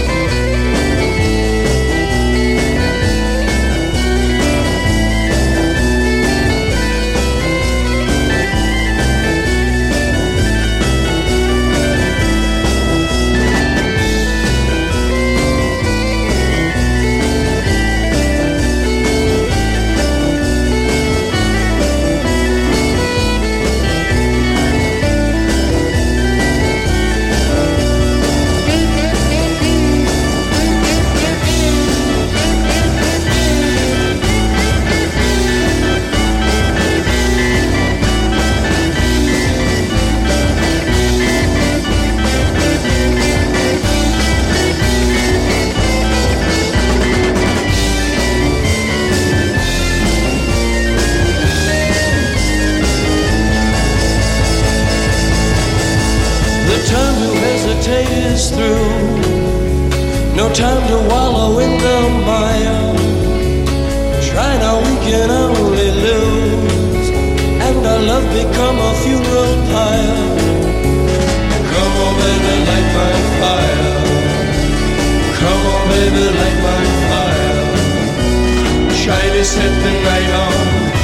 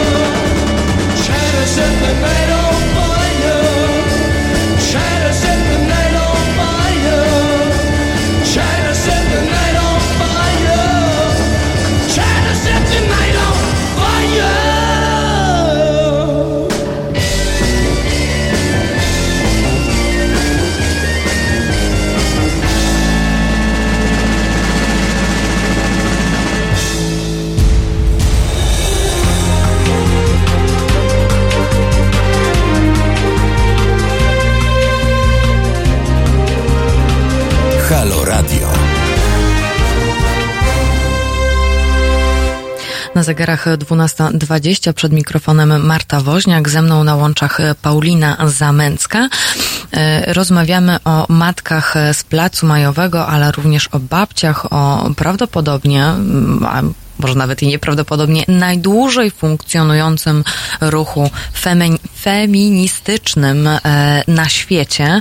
E, Pani Paulino, zanim przejdziemy do tego, dlaczego to jest najdłużej funkcjonujący e, ruch feministyczny na świecie, chciałabym się zorientować, dlaczego właściwie władza, dlaczego właściwie reżim argentyński, trzeba to nazwać to w ten sposób, porywał tych młodych ludzi. Kim oni byli? Co, czym sobie zasłużyli na, na, na, na takie traktowanie, na porwanie, na późniejsze tortury? E, No jak już wspomniałam, e, wraz z przyjęciem władzy przez generała Widela rozpoczął się proces reorganizacji narodowej. E, Generalnie to też związane jest z ówczesną sytuacją międzynarodową. Tutaj rewolucja kubańska, która stanowiła realne zagrożenie dla regionu, w tym sensie, że mogła się rozprzestrzeniać na inne kraje. I tutaj prawicowe dyktatury w różnych krajach Ameryki Łacińskiej starały się temu em, zapobiec. E, w związku z tym no, ci studenci no, byli, e, studenci licealiści byli e, no, działaczami. Mieli jakieś tam swoje gazetki, e, idee e, związane właśnie tutaj z myślą lewicową, natomiast e, no, nie stanowili realnego zagrożenia dla władzy. Natomiast, jak już wspomniałam, władza no, eliminowała wszystkich potencjalnych wrogów, wrogów na, narodu i, no, i do, do, dopuszczała się morderstw tak, i, i zniknięć tych, tych uczniów. No co ciekawe, matki same też e, nie posiadały żadnego doświadczenia politycznego. Były to mm, wywodzące się z klasy średniej gospodynie domowe. E, Także tutaj one też wcześniej nie działały e, politycznie, dopiero właśnie za sprawą tych zniknięć zdecydowały się na wyjście na ulicę i stawienia czoła dyktaturze. A czy, ym, no bo tak, nie mogły stać na placu, więc y, musiały maszerować, żeby jakby nie złamać prawa. Choć to dość kuriozalne, y, jeżeli chodzi o tamte, o tamte lata w Argentynie. Natomiast czy one były w jakiś sposób na przykład represjonowane przez władzę, że idźcie do domu, Znaczy, władza e, z początku e, no, traktowała je troszeczkę z, z przymrużeniem oka. Nazywała je locas, e, czyli szalone. Natomiast e, sprawa zaczęła się komplikować dla władz w momencie, e, kiedy Argentyna przygotowywała się do organizacji Mistrzostw Świata, e, na, które to, e, na którą to organizację e, czekała e, ponad 40 lat. I e, wtedy właśnie matki wysłały mnóstwo listów do e, głów zagranicznych państw, do e, zagranicznych mediów. E, no i e, szykowały się na przyjazd e, turystów, na przyjazd e, właśnie dziennikarzy. I co ciekawe, właśnie w momencie inauguracji więcej tych dziennikarzy było na Placu Majowym niż na stadionach piłkarskich. Naprawdę? wszystko- Mm. Wszystko było e, oczywiście relacjonowane na żywo e, przez media. E, e, Drużyna holenderska przed e, rozpoczęciem rozgrywek przyszła do matek, e, wręczyła im bukiet goździków, e, po czym e, dołączyli do przemarszu na, na Placu Majowym w obliczu e, setek kamer. Następnie e, drużyna ta nie podała, e, wbrew e, sportowemu zwyczajowi, e, ręki e, piłkarzom argentyńskim. Także takim politycznym ciosem było to, że nie ukłonili się generałom. No i matki zdały sobie wtedy sprawę z, jakby z potęgi tego, e, z potęgi mediów, tak, z potęgi z, e, z zagranicznych kontaktów. E, Jednocześnie no, władza starała się zapobiec tym przemarszom. Wtedy rzeczywiście te represje się zwiększyły. Matki były rozganiane, traktowane gazem łzawiącym, wtrącane do więzień, bite. Natomiast no, w, w, obliczu tych kamer też nie mogli tych przemarszów jakby zatrzymać, kiedy to już się wszystko działo e, na żywo. E, No i rzeczywiście władza zmieniła wtedy e, sposób postrzegania, jakby zaczęły, za, za, zaczęła się postrzegać matki e, w kategorii zagrożenia. E, Doszło też do kilku zniknięć, e, w tym jednej e, z liderek e, e, ruchu. E, Natomiast no, matki się nie poddały, wychodziły cały czas co czwartek o 15.30 na Plac Majowy i, e, i dalej protestowały. Oprócz matek są też babcie. Co to jest za ruch? E, tak, więc babcie z e, Placu Majowego, one dołączyły do matek, e, jednakże ich działalność tak naprawdę, mm, można powiedzieć, rozkwitła w latach 80. E, babcie były to babcie wnucząt, które właśnie urodziły się w tych tajnych aresztach w szpitalach i które zostały odebrane swoim biologicznym rodzicom. Szacuje się, że m, przypadków e, zniknię- zniknięć niemowląt było około e, 500.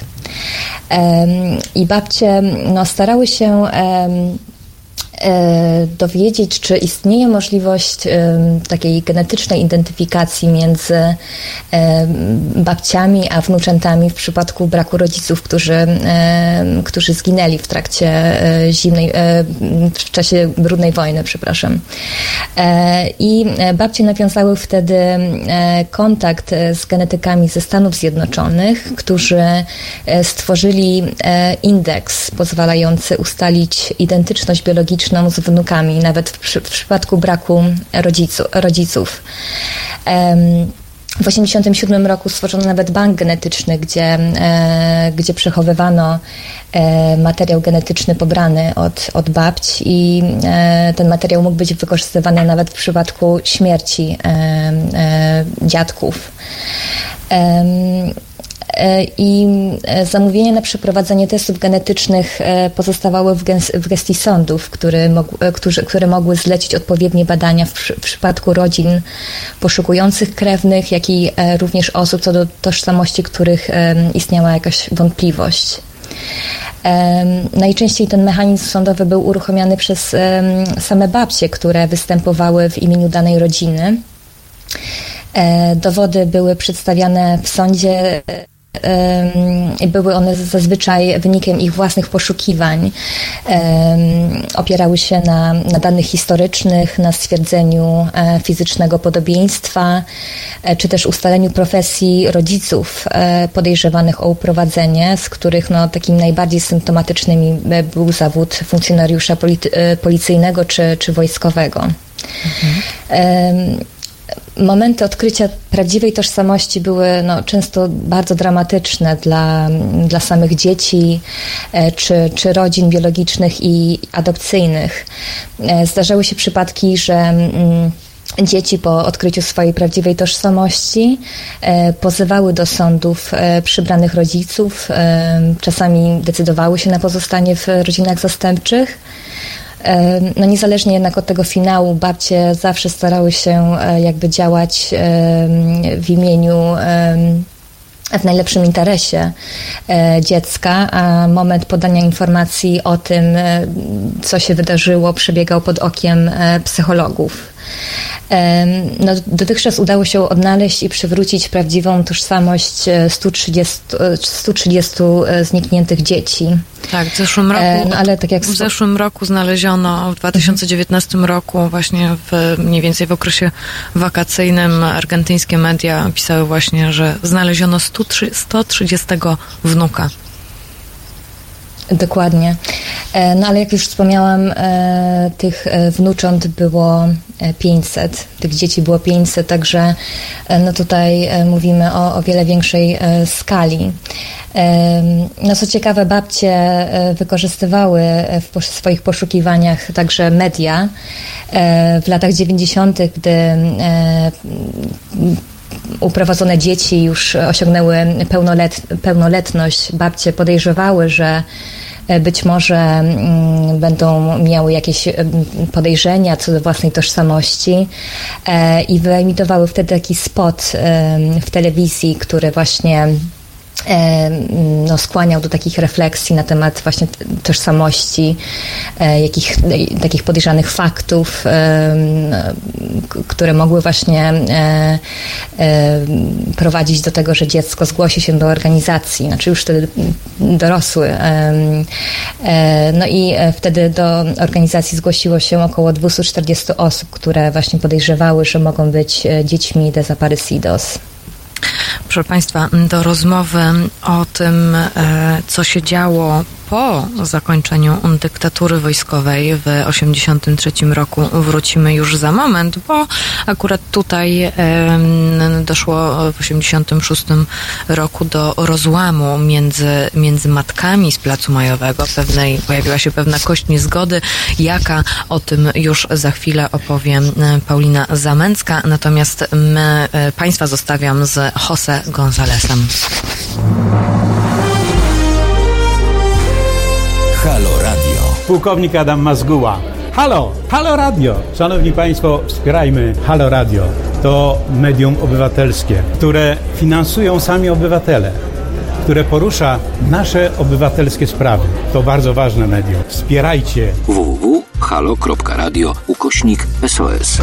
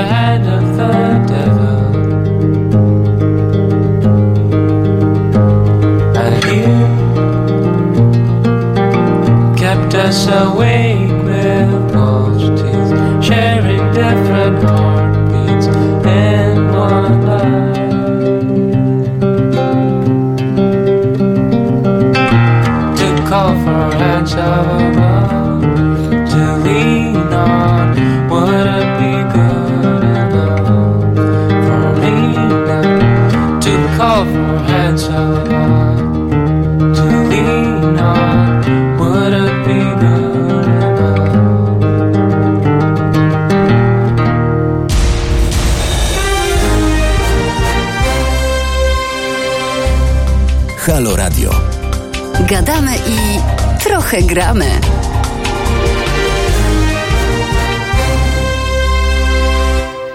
Tak jak e, pani Paulina Zamęcka przed chwilą e, powiedziała, e, ile było ofiar, ofiar reżimu argentyńskiego.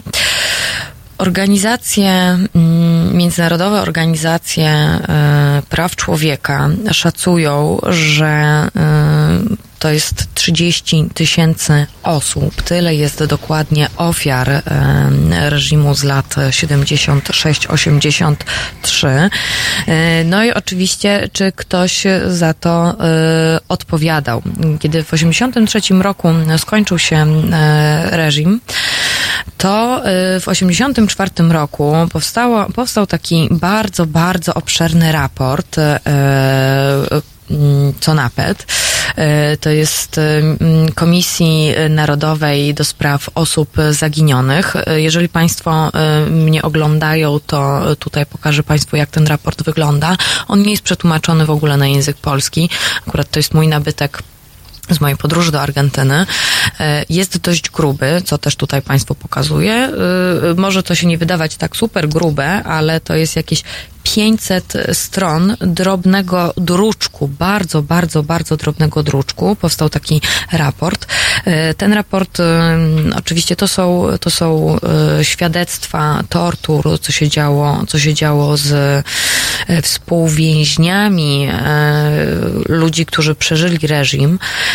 E, No i ten raport e, zawiera, e, no coś, coś, co się działo, co się działo w środku, co się działo na przykład w szkole marynarki wojennej, która akurat w Buenos Aires była takim miejscem, mm, do której zwożono, zwożono porwanych, gdzie ich torturowano. Ja nie będę Państwu przytaczać, jak wyglądały tortury, ze względów na to, że mogą Państwo, bo są bardzo drastyczne i ze względów na to, że no niektórzy słuchacze e, mogliby nie chcieć słuchać, co się dokładnie działo, ale było naprawdę bardzo, bardzo, bardzo drastycznie. E, Tutaj, e, o, pani, pani Paulino, pytanie właściwie. Jeden z naszych słuchaczy, pan Artur, pyta, czy w tym czasie nie, kola, nie kolaborował również z władzą dzisiejszy papież Franciszek? E, tak, e, matki właśnie mają do papieża, papieża Franciszka e, du, dużo żalu, gdyż e, no, jego postawa w tamtych czasach no, nie była e, powiedzmy e, e, no, e, papież, Godna naśladowania. Tak, kolaborował. E, tak, godna naśladowania. Zresztą w ogóle Kościół katolicki przeciwieństwie na przykład do Chile, gdzie e, Kościół wszedł w rolę takiej moralnej opozycji, no w Argentynie tego nie było. E, Księża e, potrafili dawać błogosławieństwo osobom, które były następnie tracone. Twierdzili także, że kilka godzin tortur to nie grzech. Także Kościół e, w Argentynie niestety no, nie zapisał się e, w tym okresie e, historycznym na tych dobrych kartach historii. A czy to nie jest też tak, bo mm, jakby wydawnictwa, są- różnego rodzaju wydawnictwa i są różnego rodzaju teorie, jeżeli chodzi o papieża Franciszka. On wtedy był, e, z tego co się orientuje, e, biskupem chyba. Mm, e, Bo tak, bo część mówi, właśnie ja mam takie wrażenie, że Argentyna jest chyba też trochę podzielona, to znaczy jeżeli chodzi o, te, o, ten, o ten jego udział, a może raczej koś, Kościół jest podzielony, bo niektórzy mówią, że pomagał, y, pomagał, a niektórzy mówią, że właśnie nie pomagał i że współpracował. Y, Więc to chyba trudno jest dość prawdy tak na dobrą sprawę. E, no trudno, e, trudno o prawdę historyczną, zwłaszcza w Argentynie, prawda, bo e, tutaj mówimy o, o funkcjonariuszach, którzy do, dopuszczali się morderstw na 30 tysiącach osób, a wielu z nich nie doczekało się tak naprawdę wyroków skazujących. Także no tutaj też dyktatura bardzo skrupulatnie zacierała wszelkie ślady przestępstw. Nawet w momencie już już po transformacji e, ustrojowej e, wciąż utrzymywali, że no nie wiedzą nic o losie e, znikniętych. Także mm, no tutaj prawda, był ogromny spór o prawdę historyczną. Dodatkowo no, społeczeństwo mm, była część, tak jak na przykład Matki z Placu Majowego, czy Ruch na Rzecz Praw Człowieka w Argentynie, którzy byli zwolennikami pod, podtrzymywania pamięci o des, des, desaparecidos. E, z kolei inni no, chcieli już zostawić te czasy jakby za sobą, nie chcieli w ogóle o tym e, rozmawiać, chcieli po prostu przejść do tego, co jest e, teraz. I no, jest to też jakiś temat tabu na pewno w Argentynie i, i no, część Argentyny Argentyńczyków niechętnie e, o tym e, okresie mówi. No tym bardziej myślę, że tutaj należy e, uznać zasługi matek, które no niestrudzenie przez ponad 40 lat przypominają o tym, co się wydarzyło. No i starają, starają się w ten sposób jakby mm, jakby dać lekcję społeczeństwu, by, no, by, by wystrzegali się na przyszłość, tak, by, by historia się nie powtórzyła. Y, tutaj cały czas trzymam ten raport Nunca Mas, czyli Nigdy Więcej, y, raport Narodowej Komisji do Spraw Osób Zaginionych, y, bo właściwie ten raport, aha, tutaj jest mniej więcej około 9 tysięcy przypadków, 9 tysięcy osób się wypowiedziało w sądach podczas procesów, jeżeli chodzi o ten taki czas po dyktaturze. E, no ale ten raport okazuje się, że podzielił jednak matki, które były cały czas e, przez, e, przez okres trwania dyktatury, były zjednoczone. Dlaczego się podzieliły? E, no tutaj e, właśnie e, konkluzje raportu były dosyć znaczące. No w dniu wręczenia raportu Komisji Prezydentowi przedstawiciele ruchu praw człowieka w Argentynie zebrali się, by wspólnie celebrować to wydarzenie i właśnie nie było tam matek, dlatego że one sprzeciwiały się temu, że w raporcie nie, by, nie było nazwisk nazwisk funkcjonariuszy, którzy e, dopuścili się e, zbrodni. E, I też taka najważniejsza chyba rzecz, która przyczyniła się do rozłamu, to to, że E, desaparecidos byli uznani za zmarłych, e, a to zdaniem matek służyło takiemu e, szybkiemu zamknięciu tej sprawy przez państwo no i pozostawienie tak, tej sprawy. One no tak, chciały... bo nie można powiedzieć, że oni nie żyją, skoro, skoro się, nie, się nie znalazło ciała. Dokładnie, także no matki e, tutaj e, miały e, różne zapatrywania i w 86 roku doszło do rozłamu. Właśnie powstała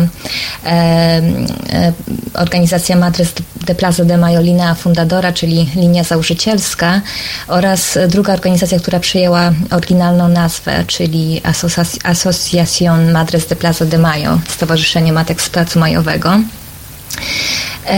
Jakie są różnice między, między tymi dwoma, między tymi dwoma mm, ruchami? E, no właśnie tutaj przede wszystkim stosunek do, do e, ekshumacji e, był bardzo ważny.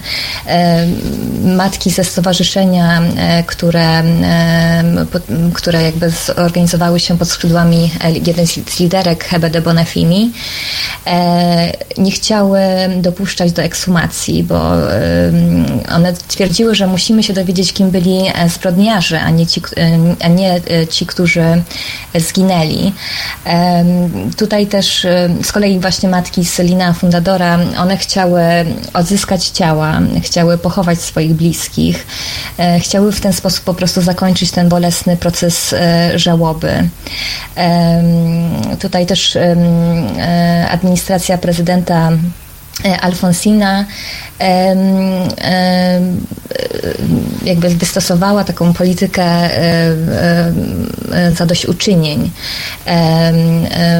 Rodziny miały prawo do 250 tysięcy dolarów odszkodowania pod warunkiem, że podpiszą akt zgonu oraz taki dokument zaświadczający o tym, że ich dzieci zginęły w walce zbrojnej, a nie zostały zamordowane. No i oczywiście tutaj... W których to było latach mniej więcej? To było zaraz właśnie po opublikowaniu raportu, raportu czyli mhm. dru druga połowa lat 80. I tutaj e, matki z Lina Fundadora uważały, że e, to, czy mm, przyjąć to szkodowanie, czy nie, to powinna być indywidualna decyzja każdej z rodzin. No z kolei no, Hebe de Bonafini, e, która no, była taka mm, zażarta w tej walce o, o, o ukaranie zbrodniarzy, o utrzymanie pamięci o, o znikniętych, no tutaj absolutnie się nie zgadzała na żadne zadośćuczyninienia. Uważała, że to jest taka forma zamknięcia matki matką ust i, i takiego ostatecznego rozwiązania tej sprawy, e, która w żaden sposób jej e, nie satysfakcjonowała. No można powiedzieć, że wciąż jakby matki e, wspólnie, wspólnym celem było ukaranie zbrodniarzy, natomiast no tutaj tych, lista tych wspólnych celów się kończy. Aczkolwiek z perspektywy mm, takiej historycznej, e, patrząc na literaturę, to mm, one wciąż jakby występują razem, czyli nie mówi się raczej o tym podziale, raczej e, funkcjonują w wyobraźni jako taka legendarna e, grupa kobiet, która zdecydowała się właśnie stawić czoła dyktaturze. Proszę Państwa, w zeszłym roku mogłam zobaczyć, jak wygląda taki protest matek na własne oczy. Poszłam na plac majowy w czwartek o godzinie 15.30 i to wygląda mniej więcej tak, że część matek, one są, bo to jest taki okrągły plac, po środku jest, po środku jest obelisk upamiętniający 1810 rok, czyli odzyskanie niepodległości od Hiszpanii. I one się dzielą na takie jakby dwie grupy, które równym krokiem e, maszerują. Także one są obok, maszerują razem, ale jednak mają takie dwie przestrzenie dość puste między sobą, żeby tutaj było, że tutaj jest z, jednej strony e, ta linea fundadora, a z drugiej strony stowarzyszenie. Także e, i proszę Państwa, to jest no, przerażający widok, bo to są panie, które mają w tej chwili 80-90 lat i one maszerują cały czas. Pani Paulino, dlaczego one cały czas maszerują? Skoro minęło już też tyle lat, e, częściowo się, częściowo zostały jakby zrehabilitowane, to dlaczego cały czas to trwa?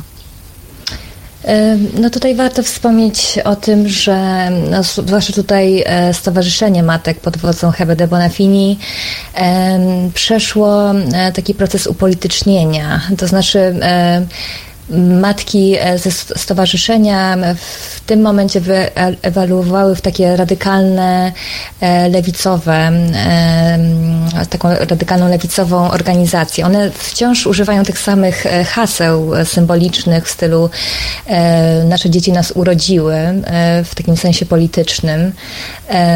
To znaczy one sprzeciwiają się generalnie niesprawiedliwości, niesprawiedliwościom społecznym, rozwarstwieniu, walczą z imperializmem północnoamerykańskim, interwencjami Stanów w różnych częściach świata.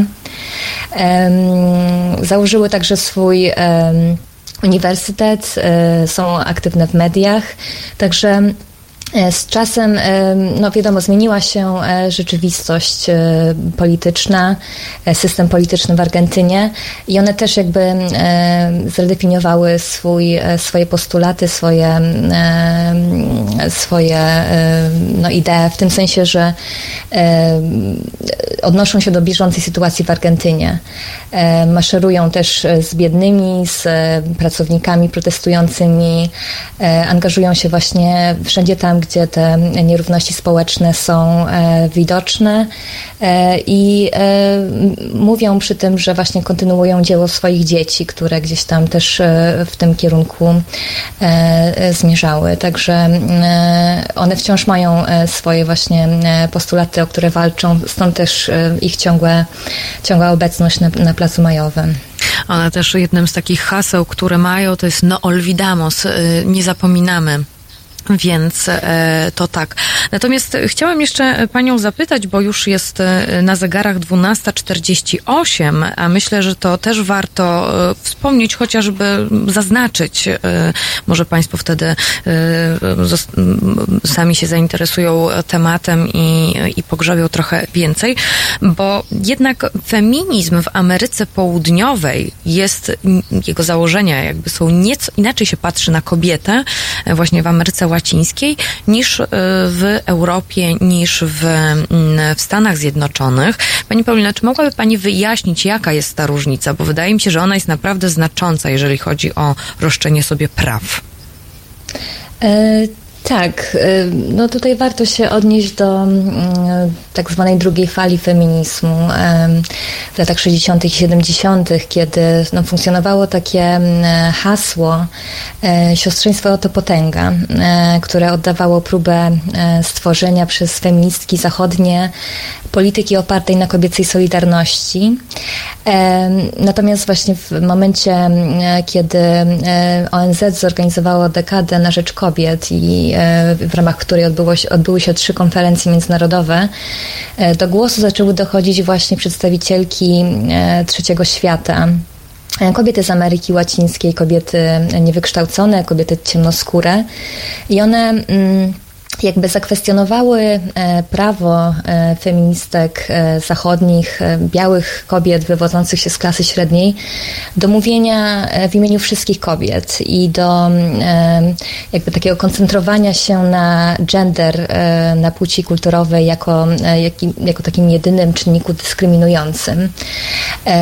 No tutaj na przykład feministki czarnoskóre, im trudno było zrozumieć, dlaczego seksizm miałby być bardziej e, takim znaczącym, taką znaczącą formą ucisku niż rasizm i też nie zgadzały się na takie mm, na, na tak krytykę patriarchalnej struktury rodziny, gdyż one to właśnie w rodzinie e, odnajdywały wsparcie e, i siłę wobec dotykającego ich rasizmu. I tutaj podobnie w Ameryce Łacińskiej, oczywiście w Ameryce Łacińskiej rozwijał się ten nurt stricte feministyczny, skoncentrowany na e, podporządkowaniu e, w relacjach e, płci.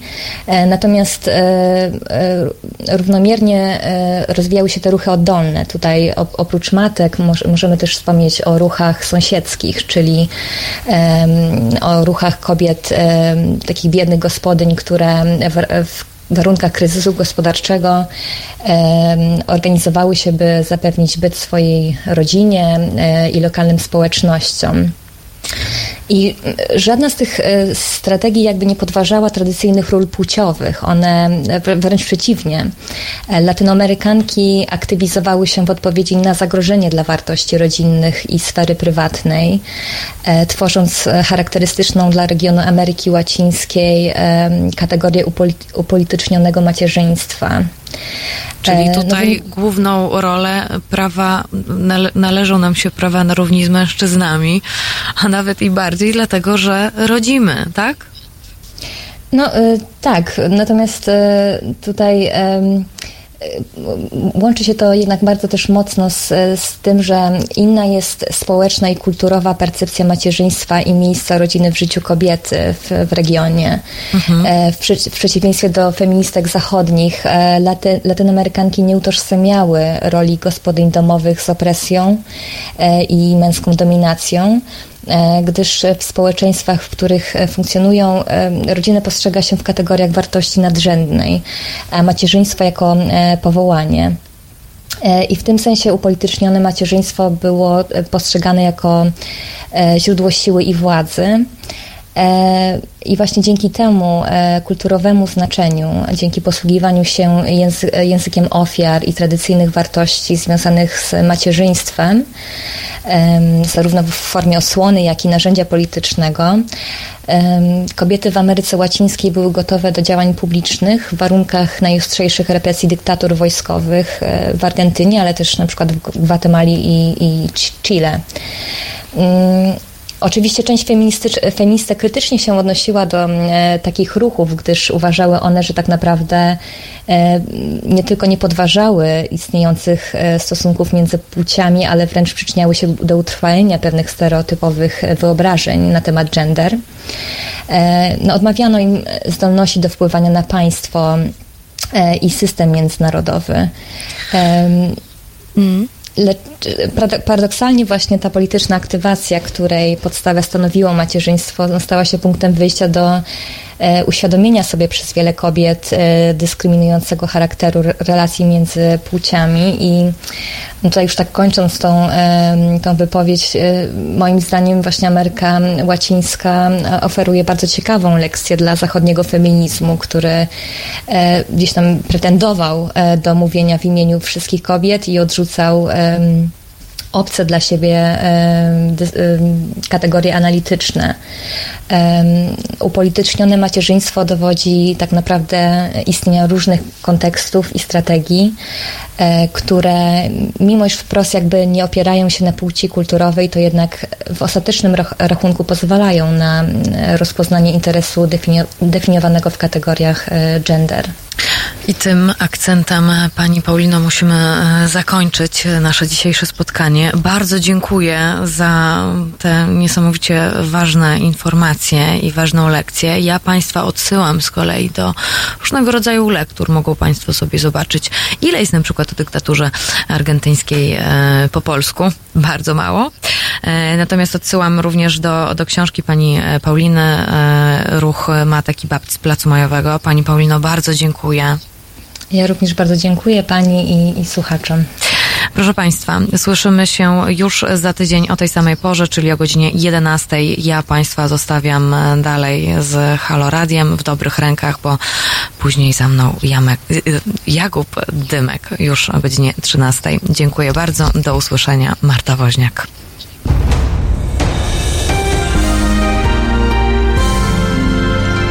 Dziś Od 21 do 23 telefony od Państwa odbiera Wojtek Krzyżaniak. Rozmowa, dialog, zrozumienie i żadnej agresji.